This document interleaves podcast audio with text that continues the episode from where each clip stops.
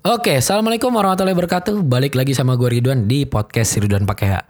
Sesuai dengan polling Instagram yang gue polling dari bulan-bulan bulan lalu, gue pengen membahas tentang tentang berjualan sejak dini, Ber, berbisnis sejak kecil. Nggak kecil juga sih bahasanya. Berbisnis sedari dulu. Ya intinya itulah ya.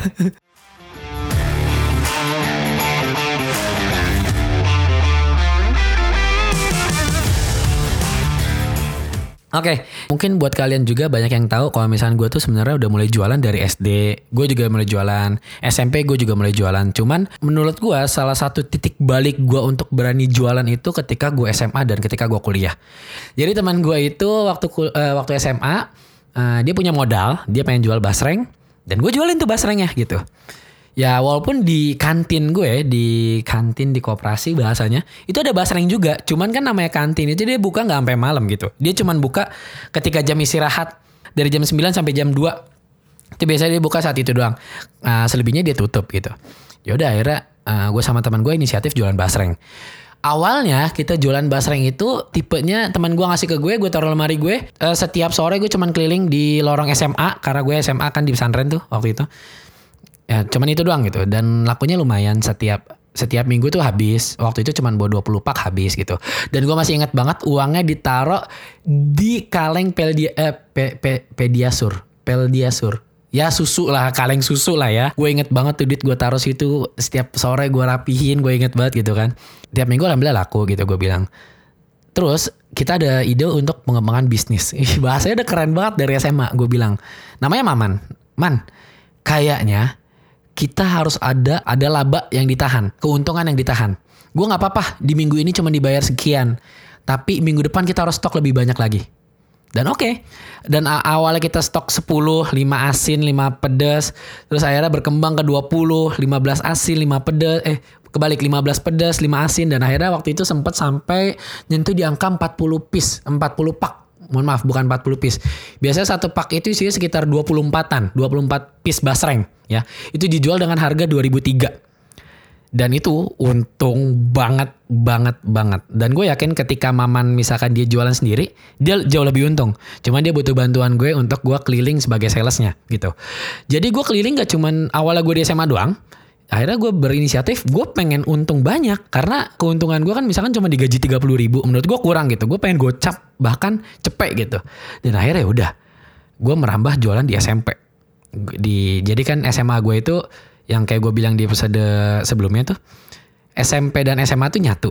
Dan gue jualan basreng ke SMP aja gitu. Gue jalan ke lorong SMP maupun itu ada ustad ke ustadnya gue deket ke ustadnya nggak deket ke gue bodoh amat. Gue gue nggak mau dilihat kayak uh, gimana ya? Gue udah gue jualan aja. Gue toh gue jualan di sini kagak ngancurin SMP gitu kan kagak ngobrak ngabrik gitu kan. Ya udah gitu.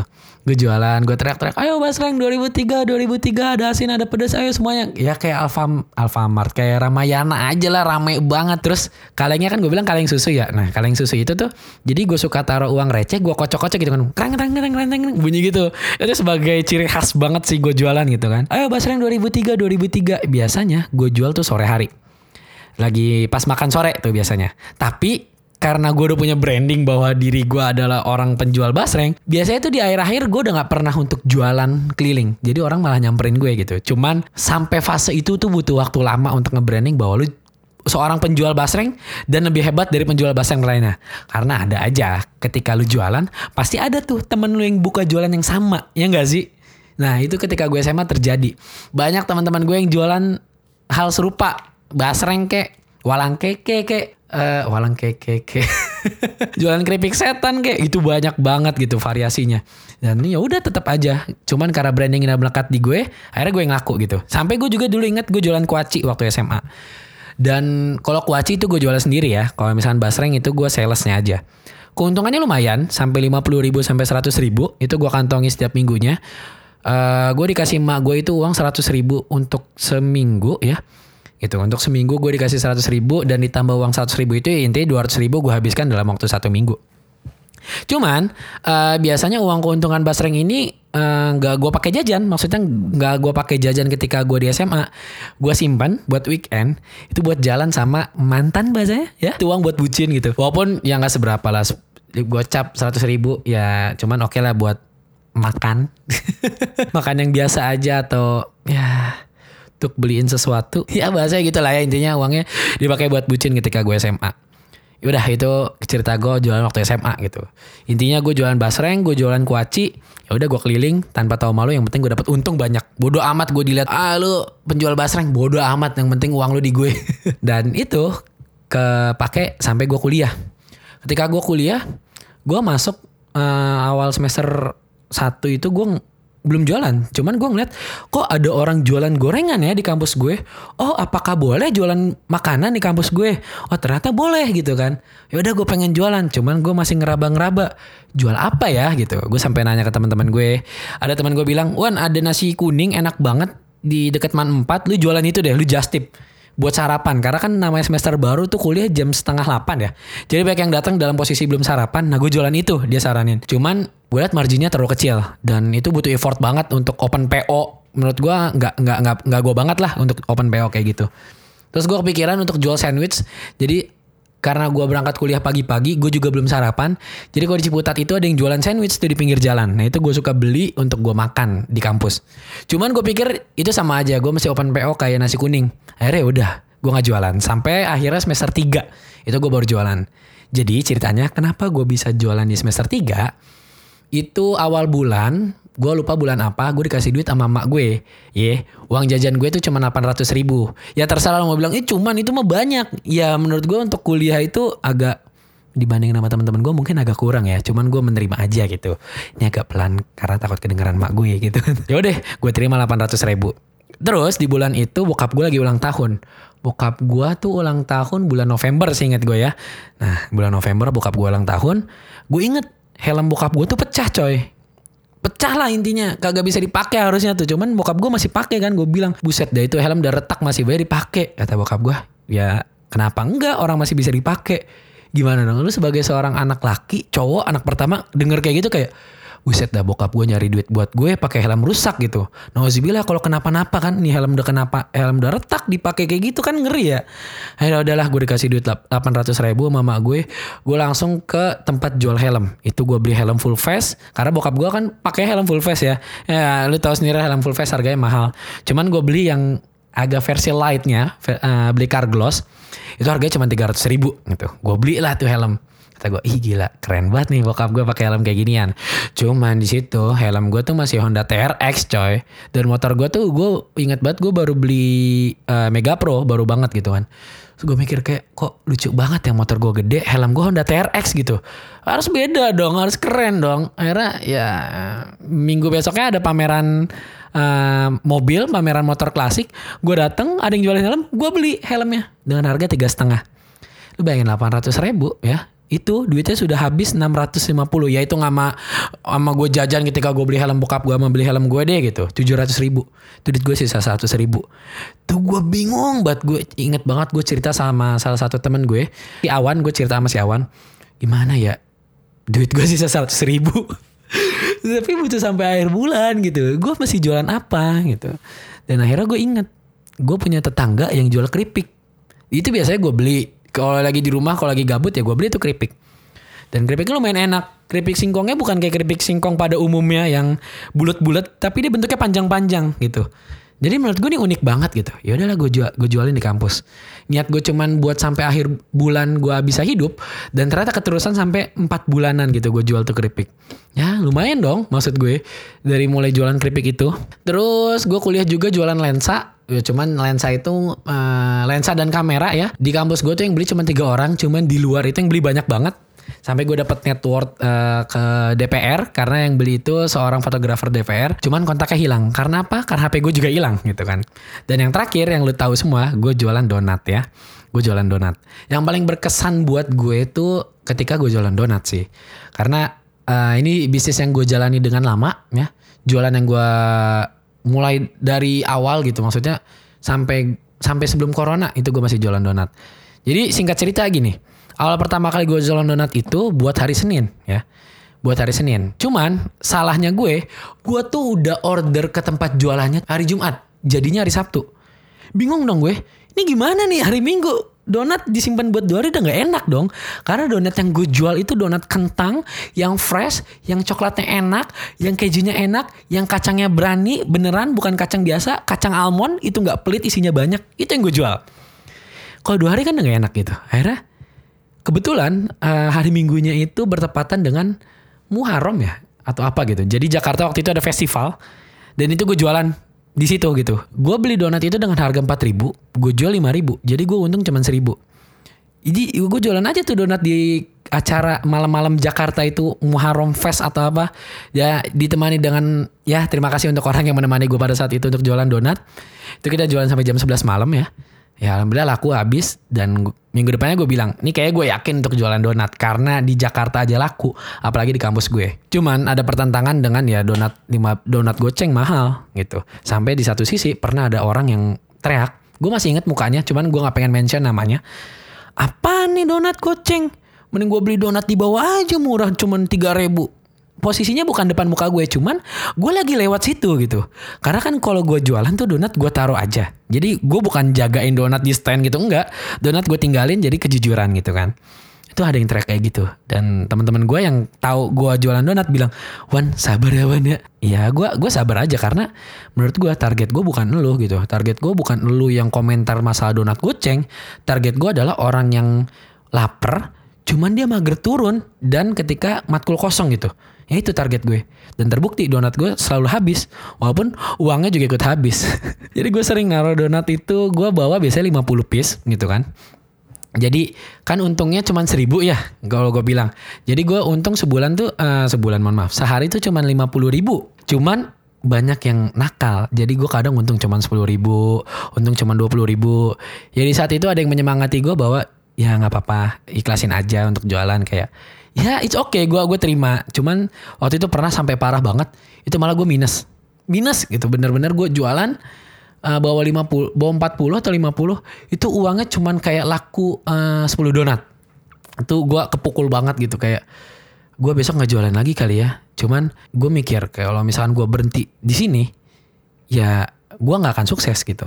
Dan akhirnya minggu depannya eh besoknya gue jualan lagi dan ya sama hilang juga donatnya. Cuman ya alhamdulillah masih dapat untung 40 ribu, 30 ribu. Uangnya buat apa? Uangnya buat gua uh, pakai dalam hari itu. Kayak misalkan gua pakai buat makan, gua pakai buat bensin, pulang pergi kayak gitu loh. Lumayan lah intinya gue dapat uh, sokongan uang dari donat.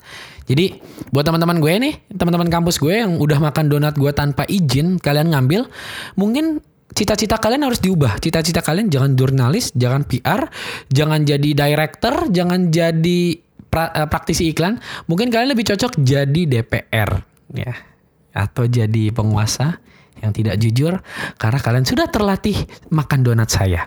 Cuman nggak apa-apa. Uh, saat ini gue sudah merelakan kalian makan donat di perut kalian. Gue nggak pengen dong nuntut kalian nanti di akhir. Menurut gue udah cukup itu jadi bagian cerita dalam hidup gue. Biar lebih asik lagi dengerin podcast gue, gue saranin kalian untuk sambil ngemil. Karena apa? Karena semua butuh ngemil. Kalian bisa cek di Instagramnya nih, semua butuh ngemil. Dan mereka baru aja launching produk terbaru, yaitu snack. Snacknya tuh ada basreng, ada kulit, dan juga ada keripik kaca. Yang pastinya produk mereka adalah produk unggulan, karena bahan bakunya pilihan terbaik. Jadi nggak pakai bahan instan, mereka bikin sendiri dan pasti rasanya terjamin. Jadi cocok banget tuh buat nemenin keseharian kalian, kayak misalnya dengerin podcast gue, ngerjain skripsi, atau sambil ngantor. Intinya apa? Intinya semua butuh ngemil. Langsung aja cek Instagramnya at semua butuh ngemil. Jadi kalian udah denger cerita gue tuh tentang gue jualan. Nah di sini juga kan gue udah bikin polling di Instagram untuk ceritain uh, kalian pernah jualan apa gitu waktu SMA atau waktu kuliah gitu. Ada banyak juga nih teman-teman gue cerita ada si Nanda Febri dia bilang jualan risol untungnya ditabung buat jalan-jalan. Eh jalan-jalannya malah nggak jadi. Terus ada teman gue Muri jualan beras setiap subuh bolak-balik pasar untungnya berupa cerita pas sukses nanti. Ada juga dari Eki dia jualan pulsa suka dibeli sama temennya cuman suka diutangin juga dan akhirnya tidak untung ada juga dari Kanadia jualan makanan. Kalau gue senangnya kalau nganter pesanan, dukanya kalau nggak ada yang pesen. Terus ada juga dari Sope dia jualan pulsa nggak balik untung karena teman yang ngutang. Nah terus ada teman gue, teman SMA gue nih namanya Aini, dia jualan kerudung waktu SMA gitu. Jadi dia just tip kerudung dan teman-teman SMA-nya berarti teman-teman gue juga gitu ditanya nu pengen beli kerudung warna apa warna apa dan itu ke dia gitu nah terus ada teman SMA gue nih, kakak kelas gue uh, Reza Febriano, dia bilang dia waktu kuliah tuh jualan mojito. Ini bukan pewangi pakaian kan? Dukanya duitnya diambil teman kabur, untungnya dibagi, uh, untungnya dibagi waktu itu bersih 6 juta. Oh jadi dia uh, uangnya dibawa kabur sama temennya. Ada juga dari Bebe ya. Ini bukan BlackBerry, cuman nama panggilnya emang Bebe. Waktu SMA sama SD dia jualan es mambo. Capek-capek ngiter cuma dikasih upah 200 perak. Wow. Terus ada juga dari kakak tingkat gue Bang Samsul dia juga bilang dia jualan fit air. Terus ada yang jualan basreng juga sama kayak gue. Dan bahkan ketika kuliah ada yang jualan risol naga ya. Ini Widya jualan risol naga. Ternyata banyak juga teman-teman gue yang udah mulai untuk berjualan ketika mereka SMA atau mereka kuliah gitu. Tapi gue yakin ada juga cerita yang teman-teman gue nih nggak disampaikan. Ya alhamdulillah gitu. Ternyata banyak dari teman-teman gue ini udah mulai berjualan gitu, udah mulai berani untuk membuka bisnis, untuk berani menjadi entrepreneurship gitu kan. Kan ada, di kampus gue bahkan sampai ada matkul ya loh, matkul entrepreneur gitu kan. Gue juga baca salah satu artikel dari Kompasiana itu tentang manfaat dagang sejak kecil.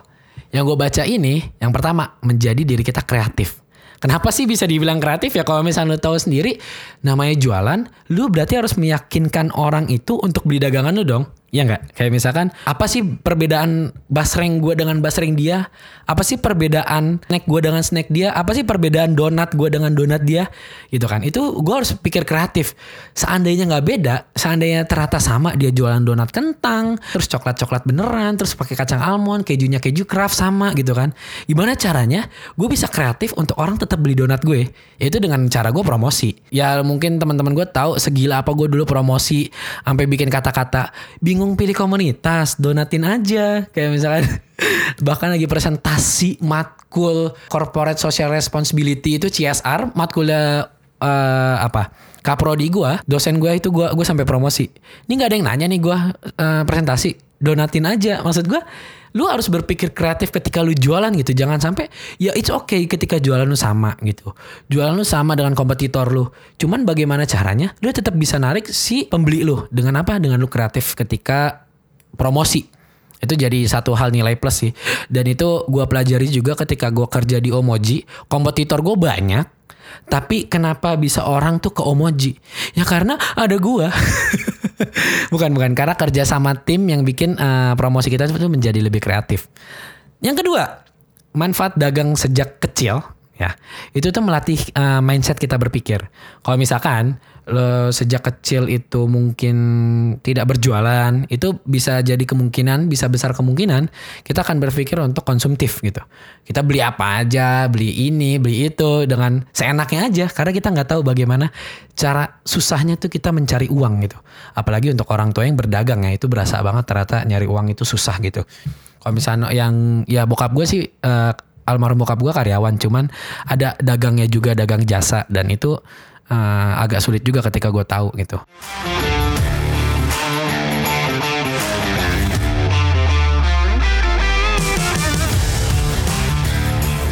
Nah cuman gue sering dapat cerita dari teman-teman gue, Wan, gue kok lu bisa sih jualan kayak gitu? Gue kok nggak nggak bisa, gue kok malu gitu. Dan itu bukan cuma teman-teman gue gitu. Ternyata adik gue yang cewek pun juga sama, dia punya uh, bukan kelainan dia punya perbedaan dengan gue gitu. Ternyata dia nggak pede untuk dagang untuk berjualan ke orang lain yang promosi. Kayak gue jualan basreng ke SMP ke ustadz ustadz gitu. Ternyata adik gue juga punya permasalahan seperti itu. Tapi intinya gini kalau yang gue pelajari nggak masalah kalau misalnya lu tidak punya atau lu tidak berani untuk menjadi seorang pedagang ya bukan entrepreneur. Lu seorang pedagang lu nawarin dagangan lu ke orang lain nggak masalah menurut gue. Karena ini tuh keahlian ke, keahlian orang masing-masing gitu. Mungkin gue ahli untuk memasarkan dagangan gue ke orang lain. Nah, ternyata lu enggak. Tapi ternyata lu punya sisi yang lebih daripada gue. Misalkan lu punya modal lebih gitu. Nah gitu. Jadi saling melengkapi aja. Kayak gue sama Maman tuh temen SMA gue. Ya kan gue punya skill untuk memasarkan. Maman mungkin agak malu untuk memasarkan. Ya udah dia punya modal lebih ngegait gue untuk memasarkan produknya dia gitu. Jadi menurut gue nggak masalah ketika lu tidak bisa untuk mempromosikan dagangan lu. Cuman ya bagaimana caranya lu memutar otak untuk mendapatkan hal yang lebih daripada itu. Ya jadi pemodal, lu jadi investor atau misalkan lu jadi seorang motivator uh, tentang berdagang bisa juga kan nggak ada salahnya juga kayak gitu. Jadi nggak ada salahnya kok kalau misalkan kalian belum berani untuk berdagang gitu kan. Dan yang pasti nih kalau gue dagang itu sebenarnya motivasinya dari mana sih? Itu yang pasti ya emang butuh duit butuh duit jujur butuh duit. Cuman kalau misalnya kita pikir lagi nih ternyata ketika gue telusuri lagi hmm, karena gue agamanya muslim gue seorang Islam gitu. Gue Islam muslim gitu kan. Nah ternyata itu udah dicontohkan oleh Nabi kita sejak dulu gitu. Bahkan dari kecil pun Nabi itu udah diajak sama pamannya buat dagang ke Yaman gitu. Nah ketika gue lihat juga oh ternyata uh, Nabi kita tuh udah berdagang loh dari dulu. Kenapa sih uh, kalau gue pikir kenapa sih Nabi bisa kenapa sih Nabi berdagang dari dulu? Ternyata ada hikmahnya juga dari Nabi itu berdagang. Kalau gue lihat, namanya kita berdagang, kita bersosialisasi dengan orang lain. Jadi kita tahu bagaimana cara bahasa A, cara bahasa B, cara menanggapi A, cara menanggapi B, cara kita menanggapi kalau dagangan kita dijatuhin gitu. Dan gue rasa itu yang berpengaruh dengan dakwahnya Nabi gitu. Karena apa? Karena Nabi menyampaikan sesuai dengan lawan bicaranya. Nah ini ilmu, ilmu komunikasi banget gak sih? Kayak misalkan kita belajar, ya kita berbicara sesuai dengan lawan bicara kita. Jangan sampai lu berbicara dengan anak SMA, lu berbicara uh, bahasanya tentang integritas, tentang uh, konseptual, kayak itu kan gak nyambung gitu. Dan ternyata itu gue pelajari bagaimana cara gue berdagang. Ketika gue dagang ke anak mahasiswa baru, ya bahasa gue beda dong nawarinnya. Mungkin dalam tanda kutip agak lebih modus dikit gitu kan. Kalau gue nawarin ke temen gue, bahasanya, ya, lu mah gimana sih teman katanya ya mungkin kayak gitulah. Dan ternyata itu tuh udah dipraktekin uh, oleh Nabi gitu. Bahwa dengan kita berdagang kita bisa mengenali orang lain kita bisa tahu sifat mereka kita bisa tahu sikap mereka. Yang ujung-ujungnya itu bakal berdampak besar terhadap dakwahnya Islam gitu. Soalnya gue kepikiran aja gitu. Kayak misalkan dari berdagang itu ya kita bisa menyebarkan uh, uh, banyak hal kebaikan. Mungkin kita tidak dapat untung dari belajar eh dari berdagang dapat untung dalam artian uang ya tapi kita bakal dapat cerita manis, kita dapat public speaking yang bagus dari kita berdagang. Itu sih yang gue pelajari dari berdagang. Mungkin sampai saat ini uh, gue belum mendapatkan keuntungan besar dari gue berdagang, cuman dengan gue berdagang sejak SD, SMP, SMA, kuliah, itu yang gue yakin itu yang bisa membuat diri gue menjadi seperti saat ini gitu. Dan itu uh, tidak lepas peran dari bagaimana uh, orang tua gue mengajarkan uh, untuk uh, menjadi pribadi yang lebih mandiri. Gitu sih kalau dari gue. Oke teman-teman thank you ya. Uh, mohon maaf nih seandainya gue terlalu menggebu-gebu di pertengahan ya atau di awal uh, belakangan ini lapar cuman gue kagak makan nasi gitu. Tapi semua teratasi karena gue biasanya ngemil. Nah cemilan gue ini pasti cemilan yang berkualitas dong. Gue selalu ngemil dari snack semua butuh ngemil. Dan yang gue suka itu adalah basreng asinnya. Kenapa? Karena basreng asinnya itu udah gurih dan dia ada daun jeruk jadi bikin lebih segar lagi. Nah, kalau yang pedes, pedesnya itu menurut gue pedes banget. Jadi cocok banget buat kalian yang para kaum hawa nih, para wanita. Kalian bisa cobain basrengnya dari semua butuh ngemil. Karena cabenya itu bukan cabai bubuk instan, melainkan cabai asli yang dikeringkan dan dijadikan bumbu untuk basreng pedesnya. Dan basreng pedesnya juga pakai daun jeruk. Yang pasti bikin pedesnya itu lebih rasanya lebih powerful dan rasanya itu lebih segar. Langsung aja kalian jangan lupa cek Instagramnya semua butuh ngemil karena semuanya butuh ngemil. Teman-teman terima kasih sudah mendengarkan episode kali ini ya. Uh, mungkin dari gue kurang lebih mohon maaf. Assalamualaikum warahmatullahi wabarakatuh. Sebenarnya gue dikirimin kemarin sama semua butuh ngemil itu cuma basreng doang. Padahal dia ada kulit, ada keripik kaca Mohon ya, tolong kepada ownernya kirimkan saya lagi barang Anda ya. Karena saya butuh ngemil. Karena apa? Karena semua butuh ngemil. Tiga kali dipromosiin. Ya, see you.